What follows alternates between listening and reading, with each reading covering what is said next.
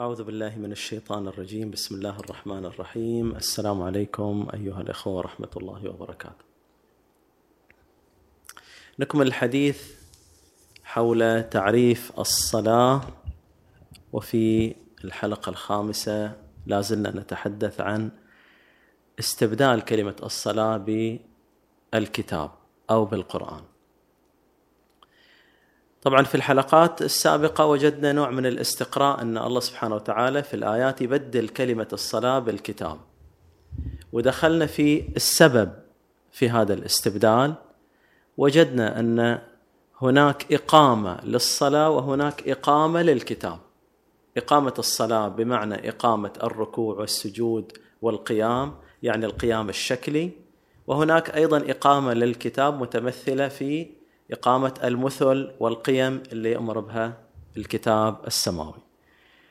وآخر حاجة وقفنا عند آية آه، سورة العنكبوت الآية اللي تقول أعوذ بالله من الشيطان الرجيم بسم الله الرحمن الرحيم. اتل ما أوحي إليك من الكتاب وأقم الصلاة. إن الصلاة تنهى عن الفحشاء والمنكر. ولذكر الله أكبر والله يعلم ما تصنعون. هذه واحدة من الآيات اللي وقفنا عندها ولاحظنا إن الصلاة تأمر وتنهى. ونقول اللي يؤمر وينهى كنص هو الكتاب. ولكن كأن الأمر والنهي مر من الكتاب من خلال الصلاة. وهذا المرور له معاني المعنى الأول أنه لا يمكن تنفيذ هذه الأوامر والوصول إلى القوة في تنفيذها إلا من خلال هذه الصلة. وكذلك ممكن إحنا نفهم لا يمكن أن نفهم هذه المعاني اللي موجودة في الكتاب إلا من خلال الصلة لأن الكتاب هو كلمات الله. فلا بد وأن نحدث علاقة وصلة بيننا وبين هذا الإله حتى نحصل على هذه القيم سواء في المعنى أو في تجسيدها. الصلاة تعطي الطاقة مثل ما بينت الآيات واستعينوا بالصبر والصلاة. الآن فهمنا أن الصلاة مرتبطة بالكتاب مو فقط كمادة وإنما بقيم الكتاب. وهذا اللي إحنا نبغى نفهمه أكثر. من خلال الآيات التالية. راح نستعرض آيات تأكد على هذا المعنى. تماما مثل ما وجدنا في هذه الآية. هذه الآية تقول إن الصلاة تنهى عن الفحشاء والمنكر. اذا في قيمة هنا في قيمة أخلاقية. قيمة أخلاقية تأمر بها الصلاه في بداية الآية يقول اتل ما أوحي إليك من الكتاب بعدين يقول وأقم الصلاة. تلاوة الكتاب يتلوه إقامة الصلاة. بعدها تتجسد هذه القيم القيم الأخلاقية القيم الكتابية قيم أهل الكتاب اللي متمسكين بالكتاب تتجسد في هذا المصلي. هل هذا المعنى موجود في آيات أخرى؟ هل هذا المعنى منسجم في آيات أخرى؟ راح نستعرض إن شاء الله ثلاث مواضع تأكد هذا المعنى. ارتباط الصلاة بالقيم اللي موجودة في الكتاب. الآية الأولى عندنا في سورة مريم الآية اللي ممكن إحنا نسميها آية الذين أضاعوا الصلاة. آية واضحة وفيها المعنى واضح معنى ارتباط الصلاة بالقيم بالأخلاق. الآية تقول أعوذ بالله من الشيطان الرجيم. أولئك الذين أنعم الله عليهم من النبيين من ذرية آدم وممن حملنا مع نوح ومن ذرية إبراهيم وإسرائيل وممن هدينا واجتبينا. إذا تتلى عليهم آيات الرحمن خروا سجدا وبكيا. الآية هذه تتحدث بعد ما استعرضت الآيات السابقة أسماء لبعض الأنبياء. أسماء بعض الأنبياء بعدين وصفتهم. وصفت علاقتهم بالكتاب وصفت علاقتهم بآيات الرحمن الآيات المنزلة. الآية تقول إذا يسمعوا هذه الآيات يخرون للأذقان سجدا أو خروا سجدا وبكيا. وكأنما هذه الحالة حالة انفعالية مباشرة بدون تكلف تلقائية. كأنهم يشعروا أن هذه الآيات جايتهم من عند الله مباشرة. يعني رابطين الآية بالإله مباشرة. فإذا سمعوا الآية تمثل لهم الإله. كأنهم أمام الإله كأنهم في صلاة مع الإله في تواصل مع الإله. وإذا واحد منهم يشعر بهذا الشعور ينطلق مباشرة إلى السجود لأن هذا هو مقام الله سبحانه وتعالى. فتتحدث عن انفعال طبيعي وليس افتعال. تلقائي يسجد لهذه الآيات عند سماع هذه الآيات. طيب هذا أيضا إحنا نشوفه منسجم مع آيات ثانية اللي ربطت ما بين الصلاة وتلاوة الآيات وما بين الآيات والسجود وهذا راح نستعرض له إن شاء الله فيما بعد. طيب اللي بعدها الآية اللي بعدها تقول فخلف من بعدهم خلف أضاعوا الصلاة واتبعوا الشهوات فسوف يلقون غيا يعني بعد هذا الجيل من الأنبياء والأوصياء والأولياء والصالحين اللي كان تفاعلهم مع الآيات تلقائي يسجدوا لهذه الآيات إذا سمعوها. جيل من بعدهم الآيات تتحدث إنه جيل من بعدهم ديلا أضاعوا الصلاة واتبعوا الشهوات. أول ملاحظة نلاحظها تغير وتبدل الألفاظ. كانت الألفاظ الأولى تتحدث عن الآيات. كانوا ذيلاك الأولانيين متمسكين متعلقين بالآيات. فاللي بعدهم من المفترض إن إحنا نقول أضاعوا الآيات أو أضاعوا الكتاب. ولكن أيضا بدلت اللفظ وقالت بأنهم أضاعوا الصلاة. وكأن النتيجة النهائية من إضاعة الصلاة هي إضاعة الكتاب وإضاعة الآيات وإضاعة معاني ومضامين الكتاب. ونتيجة لإضاعة هذه المضامين نتيجة لإضاعة مضامين الكتاب وما يأمر به الكتاب أين وقعوا؟ وقعوا في الرذيلة وسوء الأخلاق واتبعوا الشهوات. اذا وش نفهم من هنا؟ لو جينا نعاكس الآيات كل آية ناخذ مضمونها بعكس الآية الثانية. إن الجيل الأول من الأنبياء والأوصياء والأولياء كانوا محافظين على الصلاة. كانوا محافظين على معاني الكتاب. كانوا يقدرون الكتاب. ولذلك هم في أعلى مراتب أخلاق الكتاب. بعيدين كلش عن كل البعد عن الشهوات واتباع الشهوات والأخلاق الرذيلة. العكس بالعكس. اضاعه هذه الآيات اضاعه هذه المعاني حقت الآيات أوقعتهم في الجيل اللي بعده أوقعتهم في اتباع الشهوات. في هنا ارتباط وثيق ما بين الصلاة وما بين القيم الأخلاقية اللي يؤمر بها الكتاب.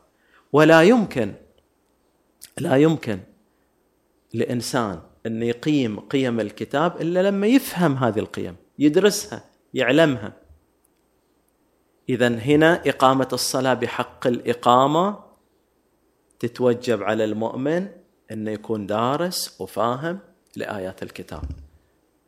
لأن صلاته أبعد من كونها محصورة في الإقامة الشكلية للصلاة. في إقامة ثانية مرتبطة بهذه الصلاة هي الإقامة في واقع الحياة اللي هي تتعلق بالأخلاقيات العامة. النتيجة اللي وصلوا إليها وش هي؟ الآية تقول فسوف يلقون غيا والغواية عكس الهداية. الغواية عكس الهداية.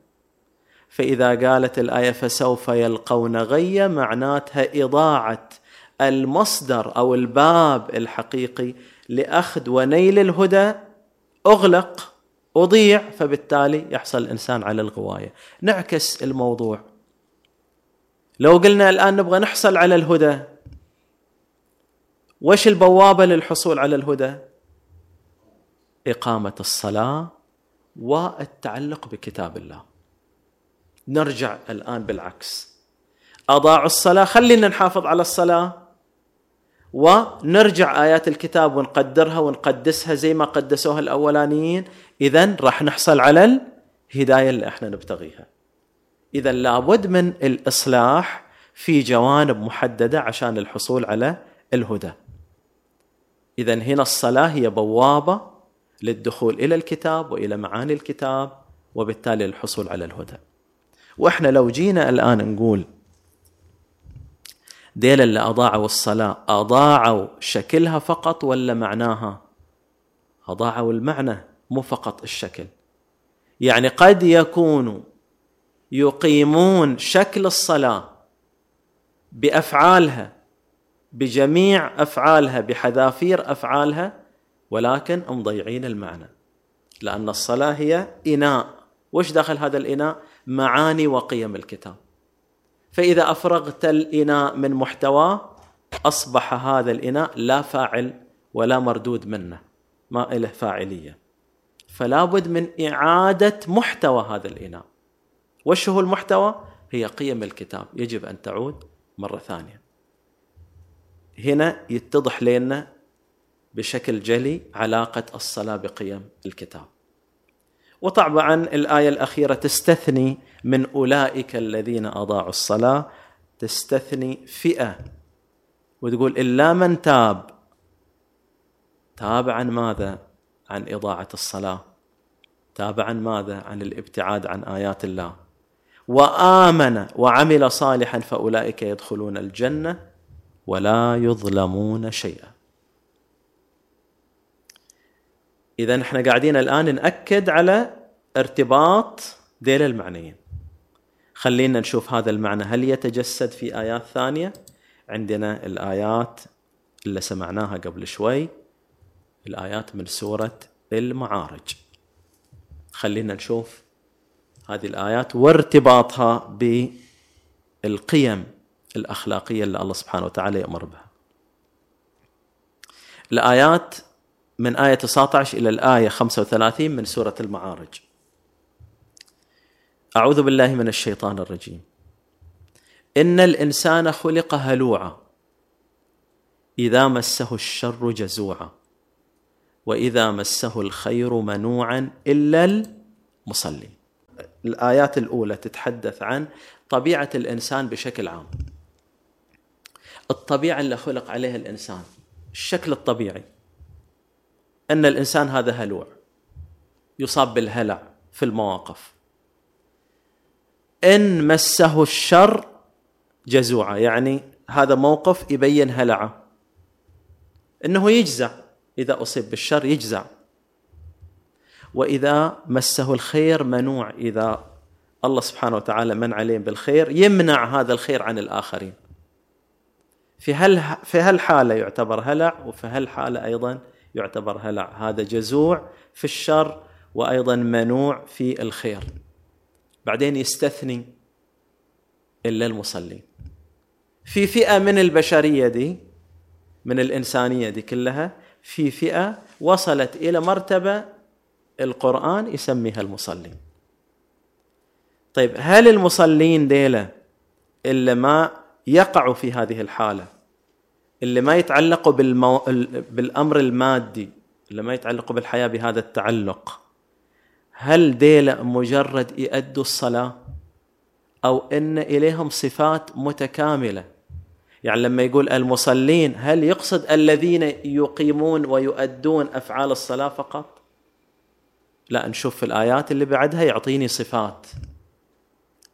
لو انتقضت صفة من هذه الصفات ما يصيروا من المصلين.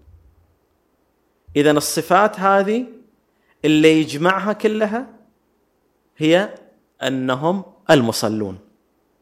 وش هم المصلين ديلا؟ يقول الذين هم على صلاتهم دائمون مداومين على الصلاة. إذا أعرف هنا أن في مداومة على أفعال الصلاة. والذين في أموالهم حق معلوم للسائل والمحروم. يتكلم عن الإنفاق. والذين يصدقون بيوم الدين. هذه الصفة الثالثة الآن. والذين هم من عذاب ربهم مشفقون. يعني في الآخرة في يوم الدين اللي هم صدقين به. إن عذاب ربهم غير مأمون. هم يعتقدوا كده هم يشعروا كده إن هذا العذاب غير مأمون. والذين هم لفروجهم حافظون بعيدين عن الفواحش. محافظين. بعيدين عن الفواحش والرذيله إلا على أزواجهم أو ما ملكت أيمانهم فإنهم غير ملومين. فمن ابتغى وراء ذلك فأولئك هم العادون. والذين هم لأماناتهم وعهدهم راعون. الصفة الخامسة محافظ على الأمانة يحافظ على العهد ما ينقض العهد يحافظ على الأمانة. والذين هم بشهاداتهم قائمون. في الشهادة قائم بالشهادة بالحق لا يميل لا يزيغ لا يبدل الحقيقة. آخر شيء يقول والذين هم على صلاتهم يحافظون. أولئك في جنات مكرمون. اذا عندي سبع صفات بدأ بالمداومة على الصلاة وانتهى بالمحافظة على الصلاة وفي الوسط ما بينهم قيم أخلاقية عالية. طبعا القيم الأخلاقية دي لا تتبدل مع ضغط الحياة ومع تبدل الظروف ثابت على قيمه على مبادئه على حفظه للأمانة حفظه للعهد. ثابت لا يتبدل. إذا حقق هذه الصفات كلها يكون من من؟ من المصلين اذا المصلي مرتبة. إحنا نفهم الآن أن أداء الصلاة وسيلة لتحقيق غاية. هذه الوسيلة توصلني إلى غاية أكبر. وش الغاية الأكبر؟ إني أكون من المصلين وكيف أحصل على هالمرتبة؟ إني أحصل على هذه الصفات إني أجسد هذه الصفات أجسد هذه القيم اللي أمر بها منه الكتاب. ولا يمكن إلى مؤمن ان يصل إلى هذه القيم وهذه المبادئ ما لم يحقق شيئين. الشيء الأول الصلاة ويعتبرها وسيلة لتحقيق هذا الأمر. ثاني حاجة إنه يعلم الكتاب ويتعلم الكتاب ومداوم على الكتاب. اذا هذه الآية الثانية أيضا تؤكد المعنى ارتباط الصلاة بقيم الكتاب. فلو إحنا في الحلقة السابقة وجدنا أنه يستبدل هذه الكلمة بهذه الكلمة بمعنى أن الصلاة هي المنفذ والبوابة اللي يوصلني لهذه القيمة. والكتاب هو المنفذ والمعبر اللي يوصلني لهذه القيمة. لابد إني أتمسك بهم اثنينهم. أخيرا نصل إلى الشاهد الأخير في حلقتنا لهذا اليوم وهو في سورة المؤمنون. الآية تقول أعوذ بالله من الشيطان الرجيم. قد أفلح المؤمنون الذين هم في صلاتهم خاشعون. يعني مو أي صلاة يجب أن نصل إلى الصلاة الخاشعة. حتى نصل إلى المصلين اللي تحدثت عنها الآية السابقة. بعدين يجي يعطيني هؤلاء الخاشعون وش فيهم؟ أيضا يعطيني صفات ويعطيني قيم ومبادئ. وش يقول؟ الذي والذين هم عن اللغو معرضون. والذين هم للزكاة فاعلون. والذين هم لح... ل... والذين هم لفروجهم حافظون. إلا على أزواجهم أو ما ملكت أيمانهم فإنهم غير ملومين.